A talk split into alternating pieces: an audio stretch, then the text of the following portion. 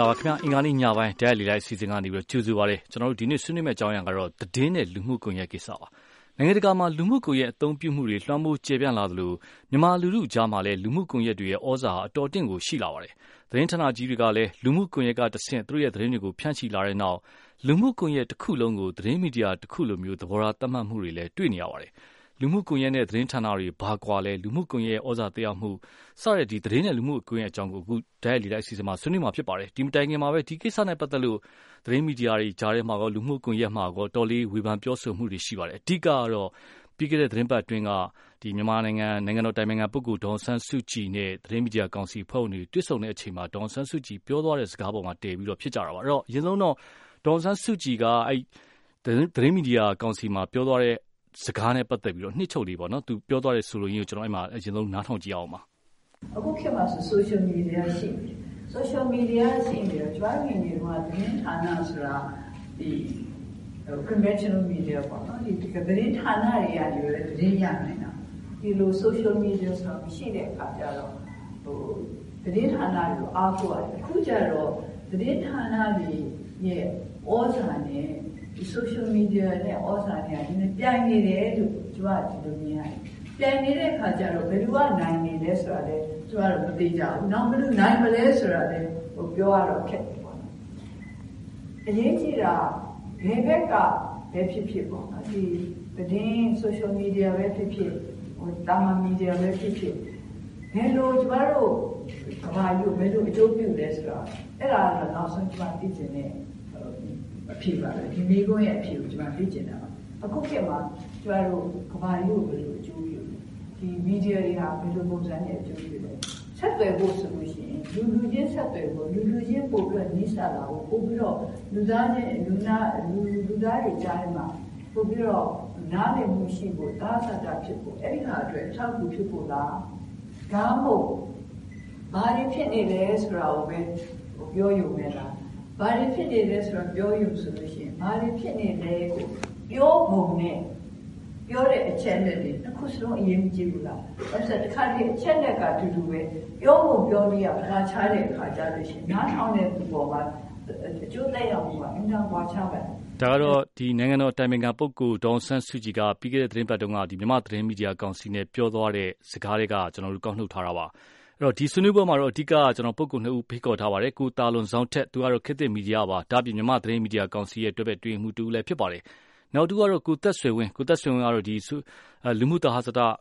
ရှိအဖွဲ့က ဖြစ်ပါတယ်ဒီလူမှုကွန်ရက်တွေနဲ့ ပတ်သက်လို့တော်လေးဟိုရင်းနှီးရှိရလူတွေဖြစ်ပါတယ် သူတို့နှစ်ဦးစလုံး လေလိုင်းပေါ်ကို ရောက်နေပါပြီ ကျွန်တော် အရင်ဆုံး ကိုသက်ဆွေဝင်းဖိတ်ခေါ်ချင်ပါတယ်ခင်ဗျ sorry ကိုတာလွန်ဆောင်ထက်ကိုကျွန်တော်အရင်ဆုံး ဖိတ်ခေါ်ချင်ပါတယ်ခင်ဗျကိုတာလွန်က ဒေါ်ဆန်းစုကြည်နဲ့ တွေ့ခဲ့တဲ့ မြန်မာမီဒီယာကောင်စီ ထဲမှာလည်း ပါခဲ့တယ် အခုဒီဒေါ်ဆန်းစုကြည်ခုလို ပြောသွားတဲ့ ပတ်သက်ပြီးတော့ အတော်လေးကြည့်ရရှိပါတယ် ဒါအပြင် မြန်မာသတင်းမီဒီယာတွေမှာလည်း သတင်းမီဒီယာကောင်စီက အကြီးအကဲတွေကိုယ်တိုင်ကျွန်တော်အင်တာဗျူးတွေပေးနေတာ ပြောဆိုနေတာတွေ တွေ့ရပါတယ်ခင်ဗျာကိုတာလွန်ဇောင်းထက်တူးချင်းအမြင် ဒေါန်ဆန်းစုကြည်ခုလို ပြောသွားတဲ့ကိစ္စနဲ့ ပတ်သက်ပြီးတော့ သတင်းမီဒီယာပေါ်မှာသူ့ရဲ့သဘောထား ပြောသွားတယ်နဲ့ ပတ်သက်လို့ ကိုတာလွန်အမြင်သိချင်ပါတယ်ခင်ဗျာအရင်ဆုံး အဲ့တော့ဒေါအောင်ဆန်းစုကြည်ကဒီသူ့အနေနဲ့ဒီသတင်းမီဒီယာတွေနဲ့နှစ်ပေါင်းများစွာပေါ့နော်အတိုက်ခံဘဝမှာသတင်းမီဒီယာတွေနဲ့အင်မတန်မှရင်းနှီးခဲ့တယ်အဲသူ့ရဲ့ channel ဆိုလို့ရှိရင်ကျွန်တော်တို့ဆိုရင်အချိန်ပေါင်းများစွာရောက်ခဲ့ပြီးတဲ့အတွက်ကြောင့်မို့သူဟာသတင်းမီဒီယာတွေနဲ့မစိမ့်ရတူပါဒါပေမဲ့ဒီရခိုင်ရေးဖြစ်ပြီးတဲ့နောက်ပိုင်းမှာဒီကမ္ဘာသတင်းမီဒီယာရဲ့အဲဟိုပါပေါ့နော်သတင်းဖော်ပြမှုတွေကို ဒီတို့ဒါဟိုဒီမြန်မာနိုင်ငံရေးရတာတကွာလုံးပြဿနာလို့ဖြစ်လာတယ်လေအဲ့တော့အဲ့ဒီဘက်မှာလည်းအစိုးရဘက်မှာလည်းပဲဟိုသတင်းကြီးရခိုင်ဒေသကိုသတင်းကြီးကိုပိတ်ပင်နေတာအဲ့ဒါစစ်တပ်နဲ့အစီအစဉ်ဖြစ်မှာကိုဒီဟိုတော့ဖုန်းရပြီးတော့ဟိုစိတ်တည်နေရှိလာတယ်အဲ့ဒါကြီးကြောင့်မလို့ဟိုသတင်းကြီးရရင်စပြီးတော့ဒီဒါပြဿနာတက်တဲ့ဟာပေါ့လေဒါပေမဲ့ငကိုတွေကလည်းဒီလိုမျိုးမီဒီယာတွေနဲ့အာနာစတက်တွေကလည်းတိတ်တော့အဆင်ပြေလာတာမဟုတ်ဘူးတိတ်ပြီးတော့ အထက်လေးတကယ်ရှိလာမှာအာနာရပြီးတဲ့အချိန်ကဒီလိုမျိုးမီဒီယာတွေတော်တော်ဝေးကွာနေတာဒါပေမဲ့ဒီခိုင်ပြဿနာတက်လိုက်ပြီးတဲ့အချိန်မှာတော့ဟိုကမ္ဘာမျိုးသတင်းမီဒီယာတစ်ခုလုံးကဒါဒေါအောင်ဆန်းစုကြည်ကို NLD ဆိုရကိုဝေဖန်ကြတဲ့အတွက်ကြောင့်မို့သူအနေနဲ့ကဒီသတင်းမီဒီယာဆိုလို့ရှိရင်ပြည်ရောပြည်ပရောအကုန်လုံးက ဟဒီ NLD အစိုးရနဲ့အဆင်မပြေတော့တဲ့အနေအထားမျိုးဖြစ်လာတယ်ပေါ့နော်။အဲဒီတော့ဒေါ်အောင်ဆန်းစုကြည်ဆိုလို့ရှိရင်လည်းဒီသတင်းမီဒီယာရဲ့သတင်းဖော်ပြချက်အပေါ်မှာအရင်လိုတော့သူ့ကိုဝိုင်းပြီးထောက်ခံတာမျိုးမဟုတ်တော့ဘဲနဲ့သူ့ကိုဝေဖန်တဲ့ဟာမျိုးဖြစ်လာတဲ့အခါကျတော့သူ့စိတ်ထဲမှာတမျိုးဖြစ်တယ်လို့ကျနော်ထင်ပါတယ်။နောက်ပြီးတော့သတင်းတွေကိုသတင်းသမားတွေဟာသူတို့ NLD အစိုးရနဲ့သူ့ကိုမထောက်ခံတဲ့အပေါ်မှာလည်းဒါစိတ်ထဲမှာ မကျေနပ်ချက်ရှိတဲ့သဘောလို့ထင်ပါတယ်။ဒါကြောင့်မို့ကျနော်တို့နဲ့တွေ့တဲ့အခါမှာသတင်းသမားတွေကိုဆက်ဆံတဲ့အခါမှာသူမေးတဲ့ Question တွေက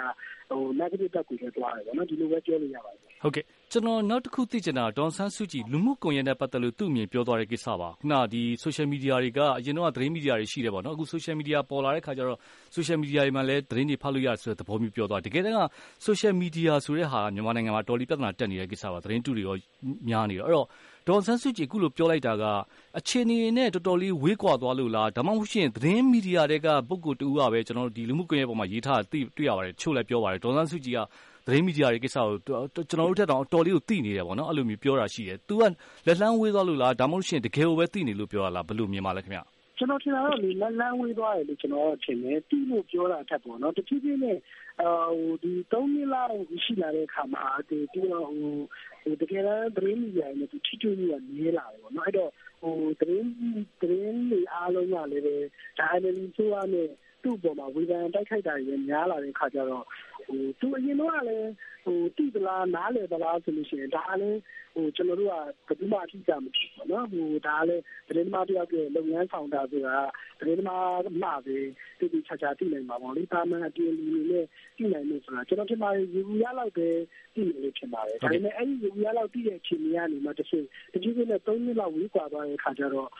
ပိုပြီးတော့မသိရတော့ဘူး။ခုနပြောတဲ့ Social Media ကိစ္စကိုကျနော်တို့ဝိုင်းမှာဒေါ်အောင်ဆန်းစုကြည်လာထိုင်တဲ့အခါကျတော့ Social Media နဲ့သတင်းမီဒီယာ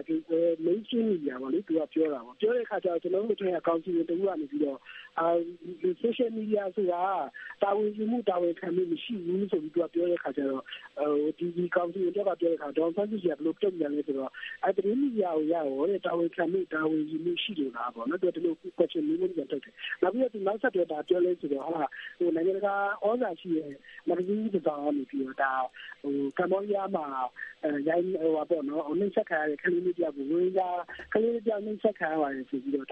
လုပ်ကြံပြီးတော့သတင်းရေးတယ်ပေါ့နော်။ဒါကိုမှားလို့ပြန်ပြီးတော့ပြင်ဆင်ခိုင်းတဲ့အခါမှာလည်းတော်တော်လေးပြင်ဆင်ချက်မထည့်ပေးဘူးပေါ့နော်။ထည့်ပေးတဲ့အခါကျတော့လည်းမထင်မရှားလေးပဲထည့်ပေးတယ်။ဒါပေမဲ့ဘယ်လောက်အထိသက်ရောက်မှုကြီးသွားလဲဆိုတော့အဲဒီသတင်းကြောင့်အစိုးရမှာအတော်ကြီးကိုသက်ရောက်မှုကြီးခဲ့တယ်ပေါ့။ဒါပေမဲ့ဒီဟာကိုအမှန်ပြင်ဆင်ခိုင်းထားတဲ့အခါမှာကျတော့ဘယ်သူမှမသိလိုက်ဘူးပေါ့နော်။ဒီဟာမှာသက်ရောက်မှုကတကမ္ဘာလုံးပြန့်နေတယ်။ပြင်ဆင်တဲ့အချိန်မှာကျတော့ဘယ်သူမှမသိလိုက်တဲ့ပုံစံမျိုးသူကဒီလို Mainstream ကိုသူကပင်မမီဒီယာတွေကိုအပြစ်တင်ထားတာပေါ့လေ။အဲဒီတော့ဒီဟာကိုကြည့်ခြင်းအားဖြင့်တော့ပင်မမီဒီယာတွေအပေါ်မှာအစာမကြေဘူးပေါ့လေ။အခဲမကြေရှိတဲ့ဟာတော့ကျနော်မြင်ရပါတယ်ဗျ။ဟုတ်ကဲ့ကိုသာလွန်ဇော်ထက်လေလှိုင်းပေါ်မှာခဏနေပေးပါဦးခင်ဗျ။ကျနော်ကိုသက်ဆွေဝင်းကိုဖိတ်ခေါ်ချင်ပါတယ်။ကိုသက်ဆွေဝင်းခုနကဒေါ်အောင်ဆန်းစုကြည်ပြောသွားတဲ့အချိန်မှာကိုသက်ဆွေဝင်းကလည်းလူမှုကွန်ရက်မီဒီယာတွေနဲ့ကျွမ်းတဝင်ရှိတဲ့အခါကျတော့သူ့ရဲ့အမြင်နဲ့ပတ်သက်လို့ကိုသက်ဆွေဝင်းသဘောထားသိချင်ပါတယ်အရင်ဆုံး။ဟုတ်ကဲ့ခင်ဗျ။အမြင်နဲ့ဟာကျတော့လေဒီဒေါ်အောင်ဆန်းစုကြည်က personally perspective ကနေပြောရလို့ ကျနော်ထင်ပါတယ် ဒီကျွန်တော်တို့ မီဒီယာတွေစသုံးနေရတဲ့သူတွေရဲ့ပေါ်လို့ဆို ပြည်သူရှိဘူးဒီမီဒီယာက ပုံစံတိုင်းပုံနဲ့ ဝင်နေတဲ့အခါကျတော့ ဒီ social media ဆိုတာကျွန်တော်မနေ့ကနေ့ကနေပဲမိုးချလို့ဒီတစ်ဆက်ပို့ပြီးတာအခါကျတော့ ဒီ social media တွေရဲ့အများကြီးကပြည်သူတွေကလည်းကြီးနေတာသူတို့ဟိုဒီကြားထဲမှာကျွန်တော်တို့ဒီ basic တော့တကယ်ဒီ professional တွေဒီပုံမှန်မီဒီယာရဲ့ဆက်နေတာဗမာရှိတဲ့ဆိုမျိုးနဲ့ဒီတော့ စက်ကနေဒီမြေကထူလာလို့ဆိုတာကနေဆက်ရကြည့်တယ်။ဒါပေမဲ့ဒီလိုပဲဖြစ်ဖြစ်ဒီပြောသွားရင်မှကျွန်တော်တွေ့ရတာဒီ mainstream media တွေ media တွေအဲအလိုက်လို့တဲ့ပုံစံမျိုးပေါ့ဒီသူမျိုးမြင်နေတယ်စိတ်ထဲမှာဒါဒီလူတွေကတော့ခုနကပြောတယ်ပြောကြရတယ်မှန်ပါတယ်။ဒါလို့လည်းဒုက္ခပြီးတယ်ဆိုတဲ့ပုံစံမျိုးဒါတွေကတော့ဒီ media သမားတွေကိုတော့ဒီအဲ့ဒီဒီလက်ရှိအစိုးရအဖွဲ့တွေကတော့ဒီအခါကျတော့ဒီပါတီဝင်တွေကတော့မြင်ရမြင်နေအဲ့ဒီပုံစံမျိုးဖြစ်နေတာတွေ့ရတယ်။ဒါပေမဲ့သူပြောသွားတဲ့ဒီခုနမီဒီယာနဲ့အားကြိုက်နေပါညာဆိုတဲ့သုံးဆွဲကြည့်ခါပေါ့ကျွန်တော်ဘယ်လိုဟာမျိုးသုံးပါလဲဘယ်လိုဟာမျိုးဘယ်လိုဘယ်လိုသတင်းမျိုးကိုကျွန်တော်ကလိုက်ပါလဲဘယ်လိုသတင်းမျိုးကိုကျွန်တော်ပါလဲဆိုတော့အာကျွန်တော်သုံးဆွဲကြည့်ခါတဲ့မှာဒီကိုဝါနေကြတယ်နောက်တစ်ခါကျတော့ဒီ mainstream media တွေဆက်နေပြီးတော့တွားတဲ့ဒီ mainstream media တွေနဲ့ social media တွေမှာတွားနေတဲ့သတင်းတွေကတကယ်လည်းဒီ social media အသုံးပြုပြီးအပြတ်နေတဲ့သတင်းတွေတော့မပေါက်ရဘူးဆိုတာမျိုးနဲ့အများကြီးဖြစ်နေတယ်။အဲဒါကြောင့်ကျွန်တော်တို့ social media ဆိုတာတော့တကယ် platform တစ်ခုပဲသူက media ဟုတ်မလို့ဆိုတော့မနေ့ကပြီးထားတာ social media ဆိုတော့တကယ်တော့သူက ဒီ media platform တစ်ခုဖြစ်တယ်။သုံးဆွဲသူတွေကိုယ်တိုင် contributor ပုံစံမျိုးဆိုတော့ရေးသားသူတွေနဲ့ကြာဖြစ်နိုင်တယ်။ရင်းချက်တွေကြာဖြစ်နိုင်တယ်။ဒါရက်တော့တိုင်းဒေသကနေနေရပါတော့။ဒါကမင်းချင်းတွေမှာကြာတော့လေသူကအခက်ကြီးရတဲ့ဒါဒီပုံစံမျိုးရှိတယ်။သူဒီ media active တွေအမေရိကန်စစ်တွေဆန်နေရရေးသားပြောဆိုနေကြထောက်ပြနေကြတာရှိတယ်။အဲတော့ရှင်တဲ့အခါအဲ့ဒါမဲ့ဒီ mainstream media တွေကလည်းတကယ်ကြည့်ပြီးရှိတဲ့ဒီသုံးဆွဲပြီးရှိတဲ့ဒီ platform တွေတက်ပြီးရရှိရတယ် ဟုတ်ကဲ့ဒီဘာလဲအတူရှိဘာမှဒီအဲ့ဒါဒီဒါတော့ဒီဒီဒီသူတို့တွေဒီဒီကြည့်ကြတာအဲ့ဒီ media ကိုတက်ဆွေဝင်အတန်ကောင်းကောင်းကျွန်တော်တို့ဟုတ်ကဲ့ကိုသက်ဆွေဝင်ကျွန်တော်အတန်ကောင်းကောင်းမကြားဘူးတန်လေးနဲ့လုံးနေတယ်ကျွန်တော်တခုကိုသက်ဆွေဝင်ကိုမေးချင်ပါတယ်ကိုသက်ဆွေဝင်ကမီဒီယာသမားလည်းဖြစ်တဲ့မီဒီယာသမားမဟုတ်တဲ့အခါကျတော့ ဒေါန်ဆန်းစုကြည်က မီဒီယာတွေပေါ်မှာ အဲ့လိုမြင်အောင် ရခိုင်ကိစ္စပဲဖြစ်စီနောက်တခြား အစိုးရနဲ့ ပတ်သက်လို့ပဲဖြစ်စီ mainstream media တွေထဲမှာ တစုံတရာ virus ဖြစ်တယ်လို့ ကိုသက်ဆွေဝင်တို့ အပါဝင်ပေါ့လူထုကြားထဲမှာ အဲ့လိုမျိုး ခံစားချက်တွေ ရှိပါလား ဟုတ်ကဲ့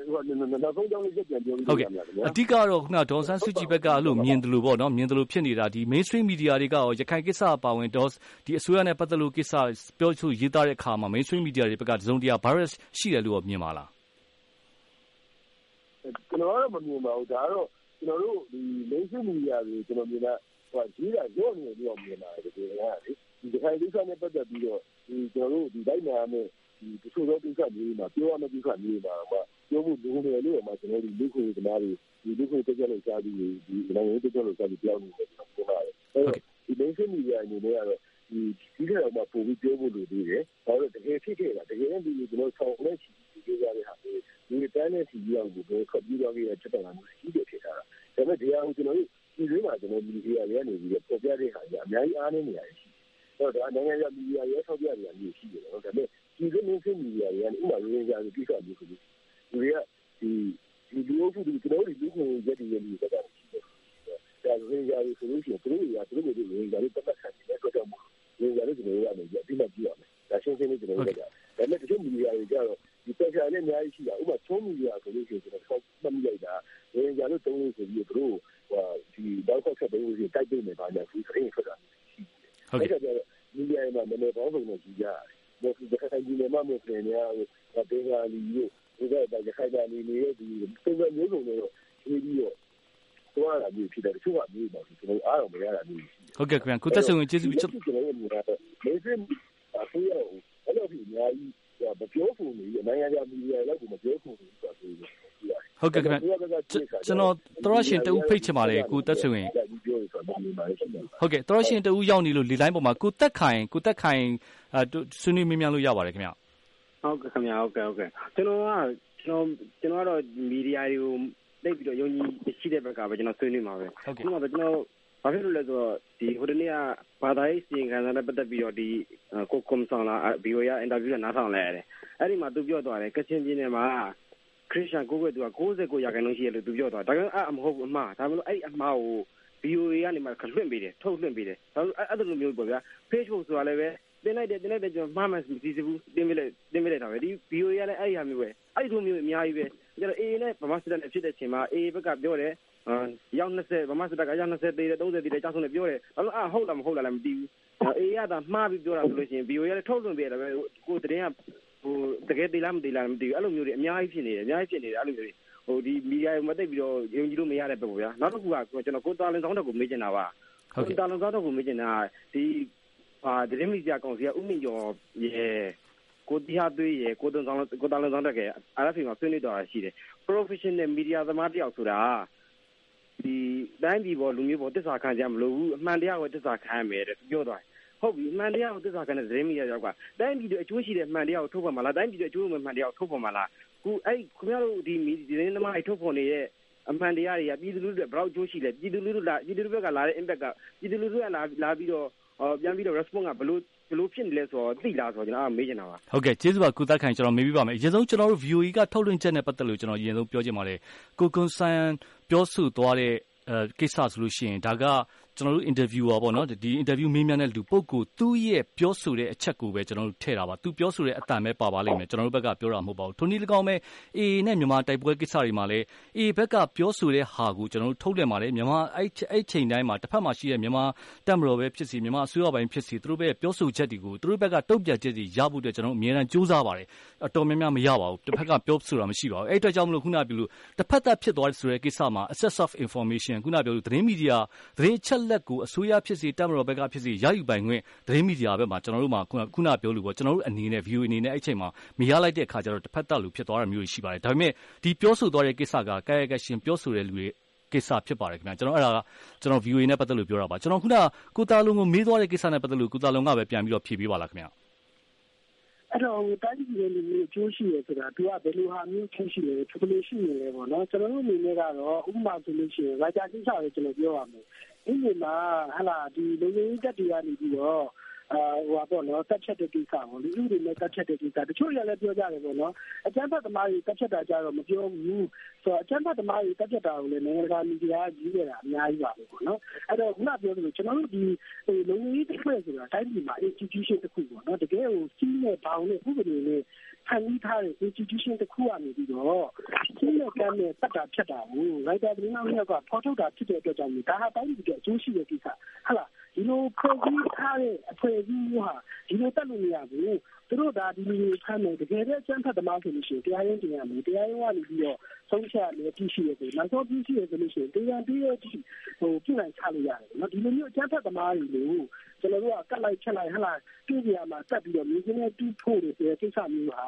ဒါကရခိုင်ကိစ္စမျိုးဒီလိုမျိုးတိုင်းရင်းသားဒေသတွေမှာဒီလိုလူမျိုးတပ်ဖွဲ့ဝင်တွေကတက်ဖြတ်တဲ့ကိစ္စမျိုးတွေဘယ်လောက်ရှိခဲ့ပြီလဲဒါကျွန်တော်တို့မသိနိုင်ဘူးဒီလိုမျိုးတက်ဖြတ်တယ်ဆိုတာလေရှင်းရှင်းပြောရင်ဒါကိုခုခုထားလိုက်လို့ဆိုလို့ရှိရင်နောက်နေနဲ့ဥပဒေနဲ့တက်ဖြတ်တဲ့ကိစ္စတွေဒီလိုလူကြီးကိုဥပဒေနဲ့တက်ဖြတ်တဲ့ကိစ္စတွေအများကြီးဖြစ်လာမှာပဲဒါကြောင့်မို့ဒီလိုမျိုးကိစ္စမျိုးဖော်ထုတ်တာဟာတိုင်းပြည်ရဲ့လူမျိုးတွေအကျိုးရှိတယ်လို့ကျွန်တော်တို့ကထင်ပါတယ်ဒါပေမဲ့သူကတိုင်းပြည်ရဲ့လူမျိုးအကျိုးမရှိဘူးဆိုတာဘယ်ရှိတော့ရှိလဲဆိုတော့ကျွန်တော်လည်းနားမလည်ဘူးလေဒါကတော့ကျွန်တော်ရဲ့ဟိုပါပေါ့လေဟိုအမြင်ပြောတာပါနောက်တစ်ခုကအမှန်တရားကိုပြပါခံနေဆိုတာကျွန်တော်တို့ဟာအများကြီးဟိုပို့ပြီးတော့ ဒီဟာကအမှန်တရားကအမှားပေါ့နော်ဒီဟာကကျွန်တော်တို့ကသုံးဖြတ်လို့မရပါဘူးကျွန်တော်တို့ကသတင်းပြင်ကြရတဲ့သူတွေပါပဲအဲ့တော့ပြင်ကြတဲ့သူတွေကနေပြီးတော့ပြင်ကြရင်အဲ့ဒါကိုကြည့်ပြီးတော့ဟိုဟိုဟိုကြည့်ရတဲ့တဲ့နဲ့ဒါဖတ်တဲ့တဲ့နားထောင်နေတဲ့တဲ့ကနေဘယ်ဟာအမှန်ဘယ်ဟာအမှားဆိုတာသူကသုံးဖြတ်တာပါဒီတော့မီဒီယာဆိုတာဈာကန်တွေထုတ်ပါပဲ။ဘာလို့ဖြစ်ခဲ့လဲဘယ်လိုဖြစ်ခဲ့လဲဘယ်လောက်ထိဖြစ်ခဲ့လဲဒါမျိုးဘာပေါင်းစုံအတန် ပေါ်ပြတဲ့သဘောတရားပါပဲအဲ့ဒါကိုတော့တိတိကျကျနားလည်နေဆိုလို့ရှိရင်ဒီမှာဒီပြောနေတဲ့အတွေးမျိုးကြောက်သွားမယ်လို့ကျွန်တော်တို့ထင်ပါတယ်ဗျဟုတ်ကဲ့ကိုတာလွန်ကျေးဇူးပါကျွန်တော်နောက်ထပ်သရရှင်တယောက်ရဲ့ပေးစာကျွန်တော်ဖတ်ပြခြင်းပါတယ် ကျွန်တော်ကတော့ ဖြိုးဝင်းထက်အောင်ပါတဲ့ အခုချိန်မှာဆိုလို့ရှိရင် မြန်မာနိုင်ငံဟာ ဖုန်းလမ်းတွေ ကောင်းလာတာနဲ့အမျှ လူမှုကွန်ရက်တွေဖြစ်တဲ့ Facebook သုံးတဲ့လူတွေ များလာနေပါတယ်။နောက်ပြီးတော့ ကြော်ညာတွေ သတင်းဌာနတွေကစ Facebook ကနေ ဖြန့်နေကြတော့ Facebook သုံးပြီးတော့ သတင်းတွေ ရယူနေကြပါတယ်။ဒါပေမဲ့ Facebook ကို အသုံးချပြီးတော့ သတင်းအမှား အမုန်းစကားတွေ ပြောနေသူတွေက ရှိနေကြတော့ အခုနောက်ပိုင်းဆိုရင် Facebook ပေါ်မှာ သိလိုက်ရတဲ့ သတင်းတွေကို သိမယုံရဲပါဘူးတဲ့။ကျွန်တော်ဆိုလို့ရှိရင် ဒီသတင်းတွေ မှန်ကန်ရဲ့လား ရှိမရှိဆိုတာကို VOA BBC လို သတင်း ပြန်ကြားပြီးတဲ့ သတင်းဌာနတွေကို သွားဝင်ဖတ်ကြည့်ရပါတယ်။ဘာလို့လဲဆိုတော့ Facebook ပေါ်က သတင်းတွေက တိကျမှုမရှိသလို ပြောချင်တိုင်း ပြောခွင့်ရတဲ့ အခြေအနေဖြစ်နေတော့ မယုံရဲတာပါတဲ့။ နောက်ထပ်သရရှင်တဦးကတော့ကိုတင်ငွေပါဦးတင်ငွေပါ သူရေးထားတာကတော့ မြန်မာလူထုကြားမှာ လူမှုကွန်ရက်ရဲ့ဩဇာဟာ အတော်လေးကို လွှမ်းမိုးပါတယ်။မီဒီယာတွေက နောက်ကလိုက်နေရတာပါတဲ့။ရန်ကုန်မှာ နေ့စဉ်ထုတ် သတင်းစာကို မနေ့ပိုင်းမနေ့ပိုင်းတိုင်းမှာ ဖတ်ရပေမဲ့နေမှာဆိုရင်တော့ အနည်းဆုံးတရက်နောက်ကျပြီးတော့ဖတ်ရပါတယ်။အပတ်စဉ်ထုတ် ဂျာနယ်တွေလည်း ထိုးနည်း၎င်းပါတယ်နောက်ကျမှ ဖတ်ရပါတယ်။နေစုံနယ်ပြားမှာဆိုရင်ပူဆိုးပါတယ်တဲ့။လူမှုကွန်ရက်မှာဆိုရင်တော့ လိုင်းရှိလို့ရှိရင် သတင်းက ချက်ချင်းရတာ မှန်မှန်မှန်ကတော့ကုပြီးတော့ ကိုယ့်ဘာကိုချင့်ချင်ရမယ့်သဘောပါတဲ့ သတင်းစာဂျာနယ်တွေကို ဖတ်တဲ့သူနဲ့ လူမှုကွန်ရက်အသုံးပြုပြီးတော့ဖတ်တဲ့လူက ပိုများလာတာတွေ့ရမှာပါတဲ့ကျွန်တော်ဆိုလို့ရှိရင်နဲ့ Messenger မှာ CNN BBC တို့ကို ဖတ်ပါတယ် သတင်းဦးဖတ်ရပါတယ်တဲ့ဒါကတော့ကုတင်ငွေရဲ့အမြင်မှာကျွန်တော်အဲ့တော့ အဲ့ဒါနဲ့ ပတ်သက်လို့ ကိုတက်ဆွေကိုပဲ မေးချင်ပါတယ်ခင်ဗျာအခုပြောမယ်ဆိုရင်တော့ဒီ social media ကလည်း platform တစ်ခုအနေနဲ့ သတင်းဌာန အတော်များများ အသုံးပြုလာကြပါတယ်ခင်ဗျာအဲ့တော့ မြန်မာနိုင်ငံမှာ social media ရဲ့ လွှမ်းမိုးမှုကခုန ဒေါ်ဆန်းစုကြည် သိတယ်လို့သိကျင်တယ်လို့လွှမ်းမိုးမှုက မီဒီယာတက်တောင် ကြီးနေပြီလား ကိုတက်ဆွေဝင်းရဲ့အမြင်သိချင်ပါတယ် ကျွန်တော်ဒီ social media ခုနပြောတဲ့ platform တစ်ခုပေါ့နော်အဲ social media platform မှာပဲဒီကဒီသတင်းပေါင်းကုန်သတင်းဌာနပေါင်းကုန်ကနေပြီးဒီ social media တွေမှာတက်ပြီးတော့သူတို့ရဲ့ဒီသတင်းတွေမြင်ကြည့်ရအောင်လုပ်တယ်အဲ့လိုပဲဒီခုနပြောသလိုမျိုးဒီမီဒီယာအတိတွေပြောလို့ရှိရင်ကျွန်တော်ဒီဝါဒချုပ်ရှိလို့တဲ့အကောင့်တွေပြည့်ရှည်ရနေပြီးတော့လေဒါမျိုးဒီသတင်းမီဒီယာရောက်ဆိုပြီးလာတာမျိုးရှိခါကြလူတွေလည်းပါတယ်ကျွန်တော်ဒီမီဒီယာ literacy လိုဟာမျိုးပေါ့နော် ဒီဒီသတင်းဌာနနဲ့ဒီသတင်းတွေကိုဘယ်လိုမျိုးဆန်းစစ်ရမယ်ဘယ်လိုမျိုးကျွန်တော်တို့ဒီဖေရှားပြီးတော့အပြီးတော့လည်းမဆရာမဆိုလို့ပြီးလို့လည်းဆက်ပါတယ်အဲ့တော့ဒီလူကြီးကြားထဲမှာဒီ media literacy မရှိသေးရတော့ကျွန်တော်တို့ဒီပြဿနာရှိတယ်ပေါ့နော်အဲ့တော့ social media ဆွဲမှုမှုဆိုတာဘာလို့ပြောလဲကျွန်တော်နားမလည်ဘူး social media ဆိုတာ media တခုဟုတ်မလို့သူကသူက platform ပဲဖြစ်တယ်အဲ့ platform ပေါ်မှာတခြားသော media တွေရရှိတယ်သူရတဲ့ခါကျလူကြောက်တူတူပုဂ္ဂလလူတွေရှိတယ် ဥပမာကျွန်တော်တို့ social influencer လို့လူမျိုးရှိတယ် ဒီ media လည်း သူတို့ရေးနေတာရေးကြတယ် ဥပမာအဲ့ဒါကြီးဆိုရတဲ့ဒီလိုဒီလိုတွေလည်းကြီးတွေလည်းရှိတယ် အဲ့လိုပဲ ကျွန်တော်တို့ဒါပါကြတဲ့လည်းဒီလိုဒီလိုတွေရှိတယ် အများကြီးပေါ့ အဲ့တော့ ဒီဟာမှဒီကနေတော့ကိုကြိုက်ရအောင်ရွေးဖတ်ကြတယ် အဲ့အဲ့မှာ ကျွန်တော်တို့ကဒီ ခုနပြော social media လွှမ်းမိုးမှုက တကယ်အားကြီးရဆိုရင်ရှိတယ် ဘာလို့လဲဆိုတော့ဒီထဲမှာ ဖုန်းရှိတယ် မနေ့မိုးလေးနဲ့ internet ဆက်ပြီးကြားတော့ပုတ်ပြီးတော့တင်ကြတာဖြစ်တယ် အဲ့တော့ တကယ် mainstream media တွေက social media ကိုတက်မလာလို့ရှိရင် online ကိုတက်မလာလို့မရတော့ဒီတာဖြစ်တယ်တို့ဒီ journal ဆောင်ရကြတာမျိုးကျွန်တော်တို့ဒီ magazine ဆောင်ရကြတာကတော့ သတင်းစာဆောင်ရကြတာမျိုးသိတဲ့မျိုးအများကြီးဖြစ်လာပြီ အဲ့တော့ ကျွန်တော်တို့ဒီပုံစံတစ်မျိုးနဲ့ဒီ media အဖြစ်တစ်ခုကိုကျွန်တော်ဘယ်လိုမျိုးနဲ့ကြောင်းမလဲဆိုတာမျိုးက ဒီအချိန်မှာ စဉ်းစားဖို့လုပ်နေဖြစ်နေအဲ့တော့ social media ရဲ့ဇာတ်မှုကကြီးရဆိုကြီးတယ်ဒီအချိန်မှာရောက်တယ်ဒါပေမဲ့ social media media တခုမဟုတ်ဘူးဒီက media platform တခုဖြစ်တယ်အဲ့ဒါကိုကျွန်တော်တို့ဒီလိုစီကိုဘယ်လိုမျိုးသတင်းရအောင်ပေးလို့ရအောင်ကျွန်တော်တို့ကြားလို့ရမယ်ဆိုရင်ဒီလန်တခုပြစဉ်းစားပြီးဒီစီတွားမှရမယ်ဖြစ်နေဟုတ်ကဲ့ဒီလိုစီတော့ဒီ line တွေမှာ Facebook account ရှိတယ်တော့ social media လို့ပြောလို့ဆိုတော့ကျွန်တော်တို့ဒီ mainstream media ထက်ပိုဒီ social media အားကြောင်းတယ်လို့ပြောရမှာပါပဲ ဟုတ်ကဲ့ ကျွန်တော် နောက်ဆုံး အချိန်နဲ့သိမရတော့ကိုတာလွန်ဆောင်ထက်ကို မေးချင်ပါတယ်ခင်ဗျာဒေါန်ဆန်းစုကြည် ခုနက ပြောသွားတဲ့ နောက်ဆုံးချက်ပါ သူပြောသွားတဲ့အထဲမှာ သတင်းမီဒီယာကို သူပြန်ပြီးတော့စမ်းစစ်ပြီးတော့မိကုံးပြန်ထုတ်ထားတယ် သတင်းမီဒီယာက ဖြစ်ယုံတွေကို ပြောယုံတက်တက်ပဲလားဆိုတဲ့မိကုံးမျိုး ပြန်ထုတ်ထားတာရှိပါတယ် ကိုတာလွန်လည်း အဲ့မှာ ရှိနေတဲ့ခါကျအဲ့ဒါနဲ့ ပတ်သက်လို့ ကိုတာလွန်အမြင်သိချင်ပါတယ် အဲ့တော့ ကျွန်တော်တို့ကဒီဗပေါင်းစုံလို့နော်ဗပေါင်းစုံကိုကျွန်တော်တို့ကတင်ပြဖို့ ကျွန်တော်တို့မှာ တာဝန်ရှိတယ်ပေါ့နော်။ဘာတွေထိထားလဲ ဘယ်လိုအခြေအနေမျိုးတွေထိထားလဲပေါ့နော်။ဒါတွေကို ကျွန်တော်တို့က တင်ပြဖို့ တာဝန်ရှိတဲ့ မီဒီယာဒီကျွန်တော်တို့ပဲပေါ့နော်ပြီးရင်ဒီချက်လက်တွေပေါ်မှာမူတည်ပြီးတော့ဘယ်လိုဖြစ်နေလဲဆိုတော့ကျွန်တော်တို့ရဲ့ editorial policy ပေါ့နော် editor အပေါ်စိတ်ကူးအတွေးနေနေဒါတွေကိုလည်းကျွန်တော်တို့ကဖော်ပြရတာပေါ့လေအဲ့တော့ဒီဟာကြီးကတော့ကျွန်တော်ထင်ပါတယ်ဟိုဟိုအရင်စကားနဲ့ပြောမယ်ဆိုလို့ရှိရင်တော့မီဒီယာရေးဒီဒီဒီလူကဟလာရေကောက်တင်ရောက်လိုက်တဲ့အစိုးရကြီးဟုတ်ကဲ့15စက္ကန့်လောက်ပဲရပါတယ်ကိုအလုံးလုံးမလို့ဆိုတာ ကျွန်တော်တို့ကပြန်ပြီးစမ်းကြည့်ရတဲ့အနေအထားမျိုးပါဒီဒီဟာကိုပဲကျွန်တော်ကတော့ဘောင်းပြီးပြီးပြောချင်ပါတယ်အဲ့တော့လူထုကရေကောက်တင်ရောက်ထားတဲ့အစိုးရကြီးဒီလူထုကိုတကယ်အလုံးမလုံးစောင့်ကြည့်နေတယ်မီဒီယာတွေလည်းရှိပါတယ်ပုံတွန်းတဲ့ပုံပြမီဒီယာတွေလည်းရှိပါတယ်ဟုတ်ကဲ့ပါခင်ဗျာကိုတာလွန်စောင်းထက်ကျေးဇူးပါကျွန်တော်တို့ diet ဒီလိုက်စီစဉ်ချိန်လဲဆီသွားလို့ပါပါဝင်ဆွေးနွေးပေးတဲ့ကိုတက်ဆွေဝင်းကိုတာလွန်စောင်းထက်နဲ့ကျွန်တော်တို့ရှင်တွေအားလုံးကျေးဇူးအများကြီးတင်ပါတယ်ခင်ဗျာ diet ဒီလိုက်စီစဉ်ဒီမှာရန်နာကုန်ပြပါခင်ဗျာ